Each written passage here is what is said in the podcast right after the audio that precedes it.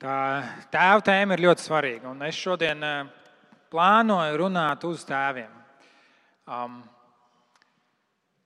tā kā tēvi tas, tas ir jums. Bet es domāju, ka jūs, uh, mammas un sievietes, uh, arī varēsiet sevi tajā vēstī ieraudzīt. Tas ir Dieva vārds, tas runā arī uz mums. Jūs, vīri, kuri, vīrieši, kuri vēl neesat, varbūt neprecējušies, jums varbūt nav bērni, arī jūs sevi varēsiet es domāju, tajā ieraudzīt. Un tēva tēma, kā jūs minējāt, dievkalpojuma ievadā ir svarīga kaut vai tā iemesla dēļ, ka tas, kā mēs skatāmies uz Dievu, um, lielā mērā izriet no tā, kāda ir mūsu pieredze par tēvu. Un, un reizēm tā mums ir tāda ļoti laba pieredze, kas mums palīdz, un reizēm tā ir sāpīga pieredze, kas, kurai mums ir jāizlaužas cauri. Un nevelti Dieva vārds mums atklāja Dievu kā debesu tēvu. Jau no vecās derības mēs redzam, cik liela nozīme tēvam ir ģimenes dzīvē. Um, tā ir uh, pat tāda dzīves svētība un dzīves virziena ievadītājs. Un, un, un mūsdienās, protams, um, ar, uh, varbūt ar tādu radikālu feminismu, varbūt ar tādu vērtību krīzi, kur, kur daudzas lietas mēs noliedzam, stājamies tām pretī, vai varbūt pat izsmējam. Ja? Bieži vien uh, reizēm mēs tēvi tiešām izdarām tādas pilnīgi muļķīgas lietas, par kurām vajadzētu pasmieties, un tas ir ok. Bet um, nu, tēviem reizēm mūsu sabiedrībā tēvi tiek padarīti par tādiem pamuļķīšiem, uh, no kuriem daudz neko nesagaida un uh, kur daudz neko nesaprot. Un, um, un es domāju, ka tā ir ne tikai tāda eh, lieta, bet tā ir tāda bēdīga lieta arī no mūsu ticības viedokļa. Un šodien es daudz eh, aizņemšos no grāmatas, Džona eh, Eldridža grāmatas Dieva tēvišķība. To grāmatu un uzdāvināju pabeidzu BPI. Un eh, es patiesībā līdz šai nedēļai viņu tā īsti nebiju lasījis. Um, bet gatavojoties un domājot par šo šodien, es ļoti novērtēju, ka šī, šī grāmata atradās manā plauktā. Un galvenokārt tas tāpēc, ka es pats neesmu piedzīvojis um, tādā bērnībā tēva vadību. Daudz no mums jau zina, mans tēvs aizgāja no ģimenes, kad man bija apmēram trīs gadi. Man nav bijusi tā bagāža, no kuras pasmelt. Es esmu priecīgs un pateicīgs par dažādiem vīriešiem savā dzīvē, par savu sievas tēvu, um, kurš man ir daudz radījis un, un rādījis, tieši gan jau tādā pieaugušā vecumā. Es esmu pateicīgs par savu mentoru, kurš šajā vasarā aizgāja mūžībā, kurš paņēma mani paspārnē pusauģu vecumā. Un tomēr ir lietas, no kuras man ir bijis jāizlaužās cauri un jāsaka, self-made, jā, pa, pašizveidots vīrietis. Un reizēm mēs to sakam ar tādu lepnumu. Es pats sevi izveidoju, bet, bet patiesībā tam jānāk būt ar tādu, tādu skumju piegaršu. Jo mums ir vajadzīgi tēvi. Mīļās māsas, jūs darat brīnišķīgu darbu šajā pasaulē. Mīļās mātes, jūs darat brīnišķīgu un svarīgu darbu bērnu audzināšanā. Jūs esat neizvait, neiz, neaizvietojamas, un bez jums burtiski nebūtu bērnu. Ja nebūtu mātes, burtiski nebūtu bērnu. Tomēr arī bez tēviem tie nebūtu. Un es gribu izlasīt ievadu no šīs grāmatas, arī kā ievadu šai svētdienai, kur šis autors stāsta par, par tādu pārgājienu, kas viņam bija. Um, viņš raksta, viens no atmiņām, kas man kā vīrieti, jebkad spēcīgi vajājušas, ir kāds notikums Aļaskā. Dienā, kad vasara tik, tikko bija sākusies. Kopā ar ģimeni mēs laivojām pa jūru, kopā ar kuprvaļiem, ledus šaurumā un piestājām Čičigofa salas piekrastē, lai ieturētu maltīti. Un Gits mums pavaicāja, vai vēlamies doties pārgājienā salas iekšienē uz klajumu, kur, kā bija zināms, nākot baroties grizlīlāči. Mēs visi piekritām uzaicinājumam. Pēc 20 minūšu ilgas soļošanas pa eļļu mežu mēs nonācām tādā kā plašā, atklātā pļavā, aptuveni 400 jārdu diametrā. Bija veicīgs dienvidus, un nevienu lāču mēs neredzējām. Viņi tagad guļ visu pēcpusdienu. Atgriezīsies tikai naktī, Gids skaidroja. Bet nu nāciet līdzi, es jums kaut ko parādīšu. Pļāva pat labi bija visai rāvaina, zemes biezoklis ar kuplu sazālušu zāli, apmēram divu pēdu augstumā, kas tikko turējās virs pēdu dziļa izmirkušu sūnu un kūdras, kūdras slāņu. Pa tādu vietu staigāt ir ļoti grūti. Gids mūs veda pa taku, kas atgādināja iemītu masīvu pēdu virkni. Katru šo iespiedumu no nākamā šķīra kāds divas pēdas plata atstarpe. Pēdu virkne bija iemīta purvājā un veidoja taku caur to. Tās ir iezīmētas pēdas, jeb taka sacīja Gids. Taku bija ieminuši lāči. Šī taka iespējams ir jau gadsimtiem sena. Cik vien ilgi lāči šajā salā dzīvojuši, viņi gājuši ar vienu pa savām vecajām pēdām. Lēcāni sekoja lielajiem lāčiem, minot pēdas tieši tur, kur soļoja vecākie. Tā viņi iemācījās iziet cauri šim muklājam. Es sāku iet pa taku, sparot soļus stingrajos, dziļajos iespiedumos, kur lāči bija staigājuši gadsimtiem ilgi. Īsti nezinu, kā attēlot izjūtas, kas man pārņēma, bet kaut kāda iemesla dēļ prātā nāk vārds svēts. Sena un droša taka caur mežonīgu, nezināmu vietu. Es gāju pa pārbaudītu ceļu, ko iestaigājuši daudz spēcīgāks un šai videi krietni piemērotākas būtnes nekā es pats. Un, lai gan zināju, ka neesmu te iederīgs, šī vieta mani jau spēcīgi vilināja un es būtu varējis iet pa taku ļoti tālu un ļoti ilgi. Tā manī modināja dziļas, senas, ilgas. Ceļojums. Ceļojums pa vidi, pa vietu, kura citādi nebūtu izējama, purvājs, kur būtu jābrien, kur iespējams būtu pat bīstami. Un tur ir šīs, šis ceļš, šīs takas, šīs pēdas, kuras ir atstājuši šajā gadījumā lāči, kas ir gājuši viens otru pēdās, iespējams, jau gadsimtiem ilgi. Katram puisim, katram zēnam ir daudz jāmācās savā ceļojumā. Un, lai kļūtu par vīrieti, zēnam ir vajadzīgs ceļa rādītājs. Tēvs, kurš parādīs, kā salabot divriteni, Tēvs, kurš iemācīs izmest makšķeri, kurš uh, iedrošinās, kad būs bailes piezvanīt meitenei, kurš pastāstīs, kā atrast darbu, un neskaitām daudz citu lietu, ko zēns sastaps savā dzīvē, savā ceļā, kļūdams par vīrieti. Un tās ir lietas, ko nevar iemācīties no citiem zēniem, un arī ne no sieviešu pasaules. Kad vīrieši runā par saviem tēviem, tad viņos bieži var sadzirdēt tēva atstāto mantojumu. Mans tēvs man iemācīja braukt ar riteni. Vai varbūt mīlestību uz sportu man ir no mana tēva. Es mācos mūziku, jo mans tēvs mīlēja mūziku. Detaļas var atšķirties, bet kad vīrietis stāsta par vērtīgāko, ko tēvs atstājis, Ja vien tēvs vispār ir devis ko pieminēšanas vērtu, tā vienmēr ir vīrišķības tālāk nodošana, nodošana mantojumā.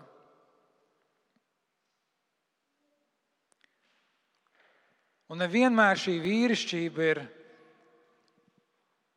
Nu, reizēm tā vīrišķība ir pārprasta vīrišķība. Nevienmēr tā vīrišķība ir kas ceļ un, un, un sagatavo. Un tomēr, tad, kad mēs atskatāmies uz to, ko devuši mums ir tēvi vai tēvu figūras mūsu dzīvē, visbiežāk tie būs šie vīrišķīgie momenti, kur mēs iedzinām pirmo naglu, kur mēs pārvarējām pirmo pārsisto vai nobrāzto celi, kur mēs uzvarējām kādās sacensībās vai kā citādi. Un tas ir svarīgi, jo dzīve, man mīļie brāļi, mūs pārbaudīs. Dzīve mums uzdod neskaitām daudz jautājumus. Kā rīkoties, kad tu sastopies ar briesmām? Ko darīt tad, kad tev ir bail? Kā stāties pretī kārdinājumiem? kā veidot attiecības ar meiteni, kā cieņpilni tās virzīt pretī laulībai.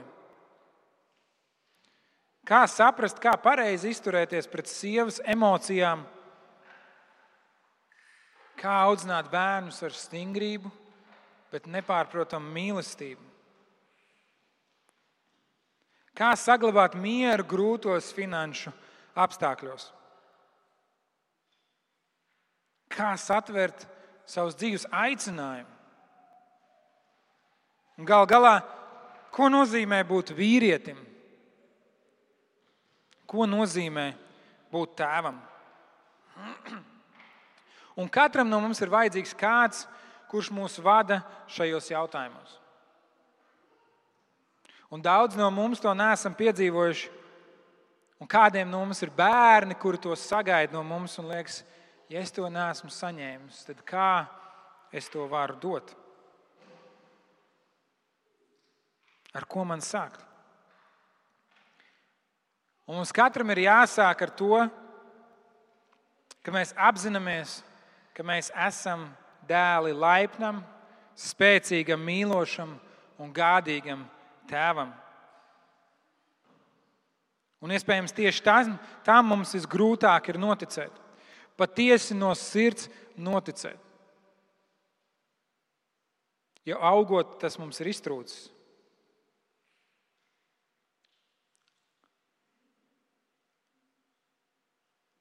Jēzus saviem mācekļiem saka, vai starp jums ir cilvēks, kas savam dēlam, ja tas lūgs maizi, dos akmeni, vai ja tas lūgs zivi, dos tam čūsku?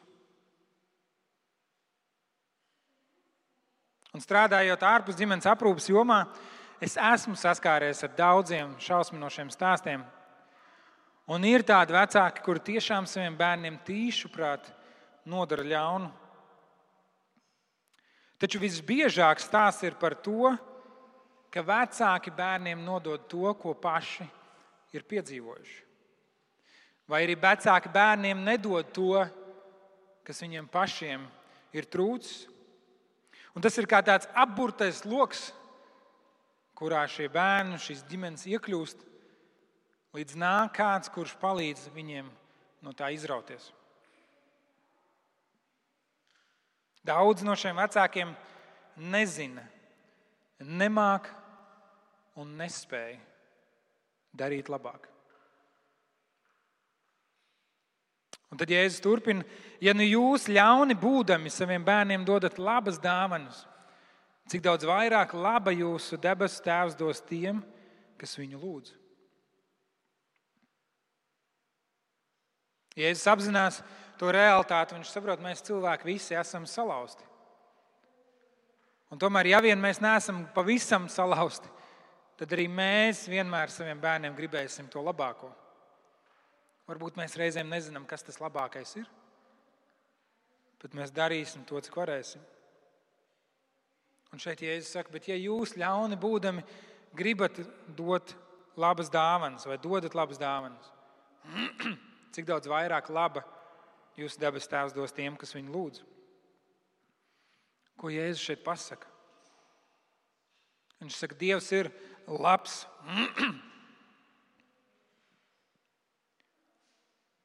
Viņš saka, Dievs ir ne tikai labs, bet Dievs ir labs pret tevi.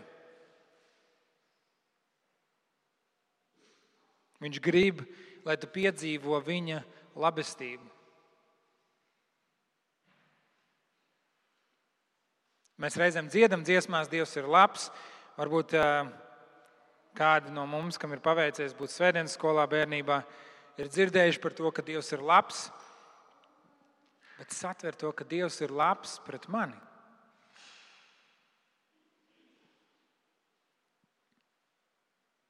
Mani,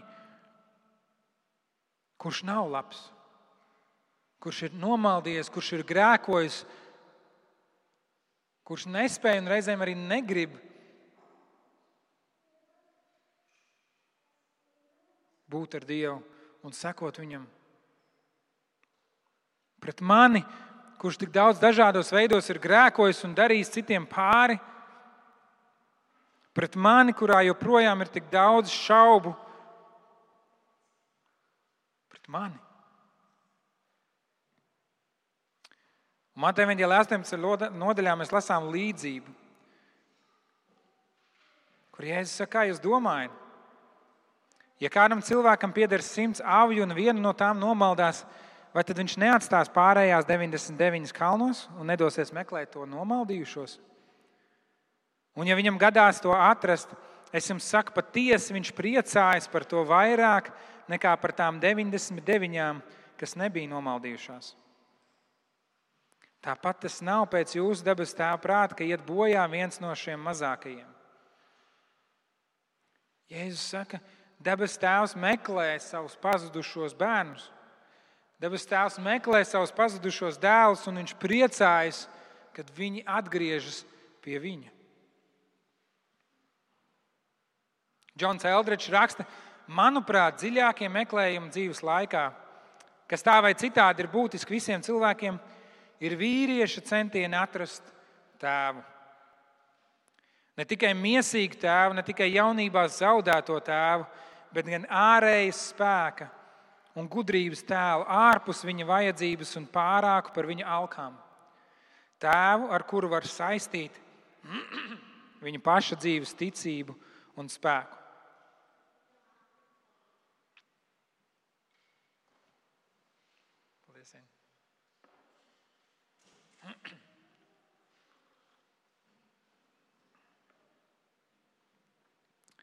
Vairums cilvēku saprot, ka kristietība piedāvā atdošanu. Reizēm tas ir tas, uz ko mēs koncentrējamies, tas ir tas, uz ko mēs skatāmies. Es esmu kristietis, es esmu glābts. Tā ir atdošana, kas mums kļuvis pieejama pateicoties Jēzus upurim pie krusta. Tas ir tas, par ko ir kristietība. Es esmu glābts. Es būšu debesīs. Savas nāves stundā es būšu debesīs. Bet tas, ko daudz no mums nesatver, un iespējams, man nav nekāda statistika, lai es teiktu, ka tiešām tā ir, bet iespējams vīriešiem, mums vīriešiem, to ir grūtāk satvert. Satvert to, ka šī atdošana padara mums iespējamu būt kopā ar savu debesu tēvu. Redziet, piedošana nav pašmērķis. Mērķis ir nonākt tēva mājās. Mūžīgā dzīve nav pašmērķis. Izvairīties no elles nav pašmērķis, bet būt kopā ar savu debesu tēvu kurš mūs ir radījis un kurš mūs aicina sadraudzībā, attiecībās ar sevi.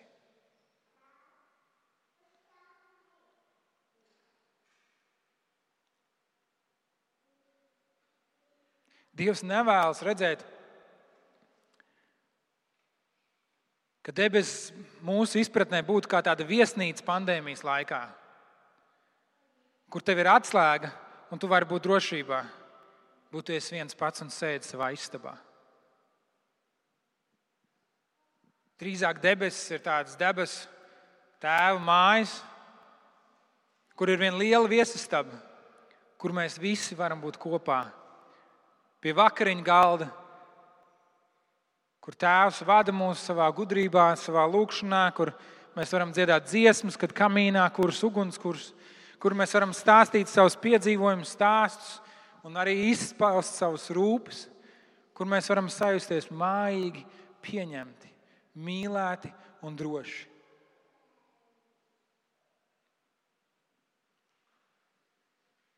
Un ir iespējams, ka cilvēks, kurš sevi sauc par kristieti, kurš apmeklē baznīcu un zināmā mērā cer uz mūžīgo dzīvi debesīs, joprojām dzīvo ļoti vientuļš un paguris zem dzīves, un reizēm pat zem ticības un reliģijas smagās nastas.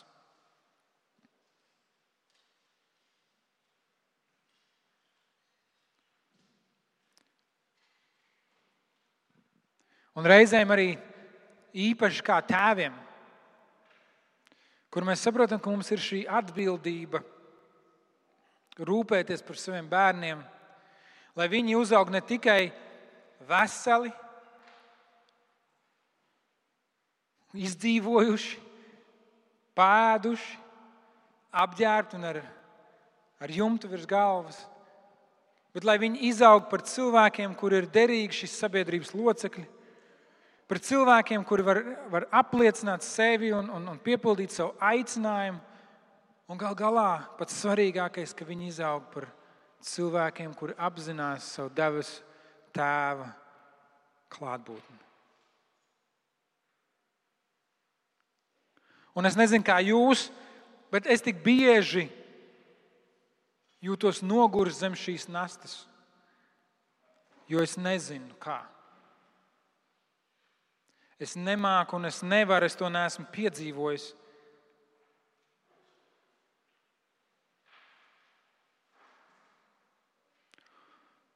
Un tad es ievelku dziļu elpu un saku, neko darīt, jāiet tālāk.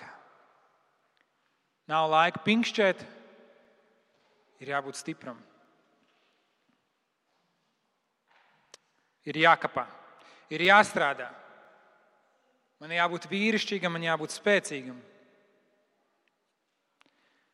Bet Pāvils, Pāvils raksta, apustulis Pāvils, vēstulē romiešiem un vēlāk arī vēstulē galotiešiem. Viņš raksta, jūs neesat saņēmuši verdzības garu, lai atkal baidītos. Viņš saka, verdzības garu. Šo sajūtu, ka mēs kaut kam vergojam, ka mēs kaut kam strādājam, ka mēs kaut kam kalpojam tādam, kurš to vien gaida, kā uzšaut mums ar pātagu. Lai mēs baidītos, kad tik mēs nepieļaujam kādu kļūdu, kad tik mēs neizdarām kaut ko pareizi. Viņš saka, jūs neesat saņēmuši verdzības garu, lai atkal baidītos, bet esat saņēmuši dēlu tiesības un garu, kurā mēs saucam abu. Šis vārds aba ir tēvs, tētis Un gars pats kopā ar mūsu garu liecina, mēs esam Dieva bērni. Bet, ja bērni, tad arī mantinieki un Dieva mantinieki un Kristus līdzmantnieki, ja, viņi, ja vienmēr līdz ar viņu ciešam, lai līdz ar viņu nāktu godībā. Vēstulē galotiešiem ļoti līdzīgi Pāvils raksta, bet, kad pienāca laiku beigas, Dievs sūtīja savu dēlu, kas piedzima no sievietes, piedzima pakļauts bauslībai lai izpirktu tos, kas pakļauti bauslībai, un lai mēs tiktu pieņemti par Dieva dēliem. Tā kā jūs esat dēli, Dievs savu dēlu garu ir sūtījis jūsu sirdīs, kas sauc aba tēvs. Tātad tu vairs neesi vergs, bet gan dēls, un ja dēls, tad caur Dievu arī mantinieks.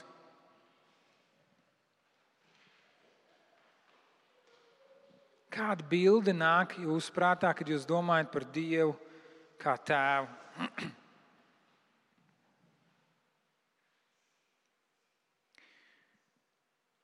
Varbūt tas ir tāpēc, ka es esmu mācītājs. Kaut gan arī pirms tam, es domāju, man bilde bija līdzīgāka. Ka debes tēvs ir kāds priekšnieks, kurš sagaida no manis, ka es izpildu savas kvotas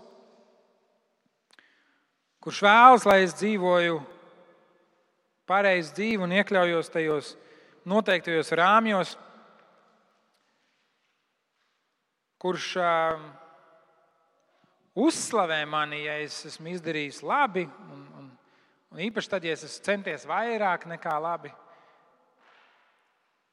Bet kurš nav īsti priecīgs tad, ja es esmu grēkojis, ja esmu kļūdījies un ja es esmu salaidis visu dēlī.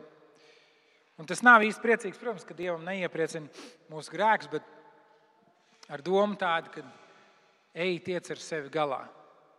Clean up your mess, jā, kā saka angļu valodā. Satīri savus, savu, savus mēslus, un tad nāc pie manis. Tad, kad tu atkal varēsi būt vīrišķīgs un spēcīgs un darīt pareizi, Bet vārds, ko lieto Pāvils, kad viņš saka, ka viņš mūs ir pieņēmis, Nenozīmē, ka Dievs pieņem bērnus, kuri nav viņējie, bet drīzāk gan, ka Viņš otrais kļūst par tēvu savējiem, un tie piedzimst otrais no augšas. ka mēs kā Dieva radīti bērni esam aizvirzījušies prom no viņa, aizgājuši prom no viņa, kā šis jaunākais dēls ir Lūks 15. nodaļā, ko mēs lasījām dievkalpojuma ievadā. Un tad mēs nākam atpakaļ. Un tur ir šī tēva bilde. Tā mums parāda šo abu. Ko nozīmē šis tēvs bibliskā izpratnē? Tas ir tēvs, kurš jau pat tālieni ierauga, ka nāk viņa dēls. Tas ir tēvs, kurš skrien pretī. Un Bībeles laikā, tad, kad Jēzus stāsta šo līdzību, tajā laikā tēvi neskrēja.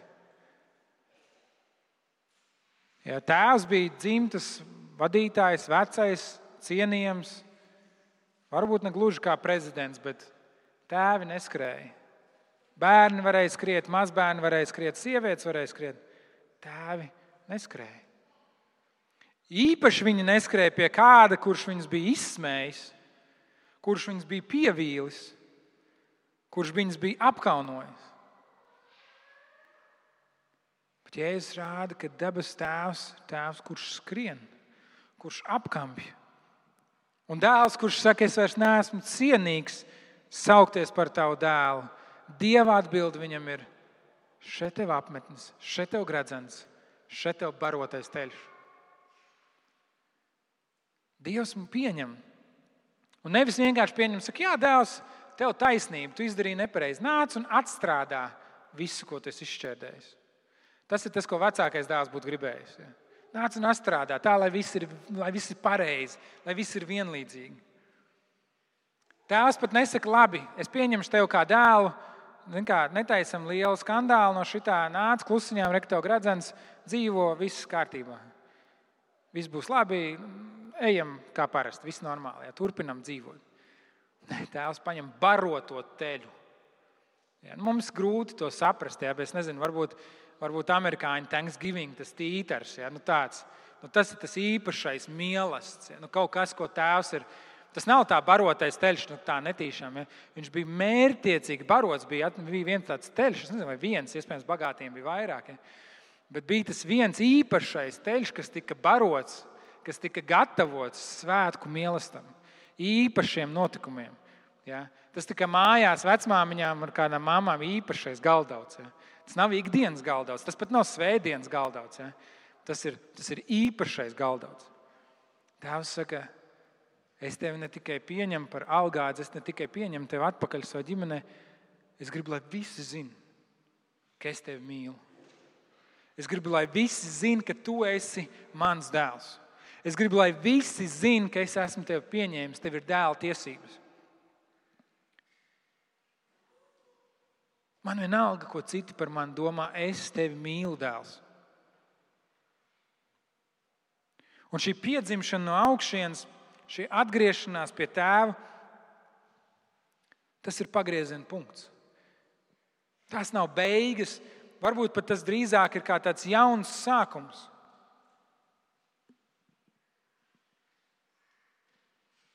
Un tēvi, mūsu ceļš kā tēviem sākas ar to, ka mēs apzināmies, ka mēs esam bērni.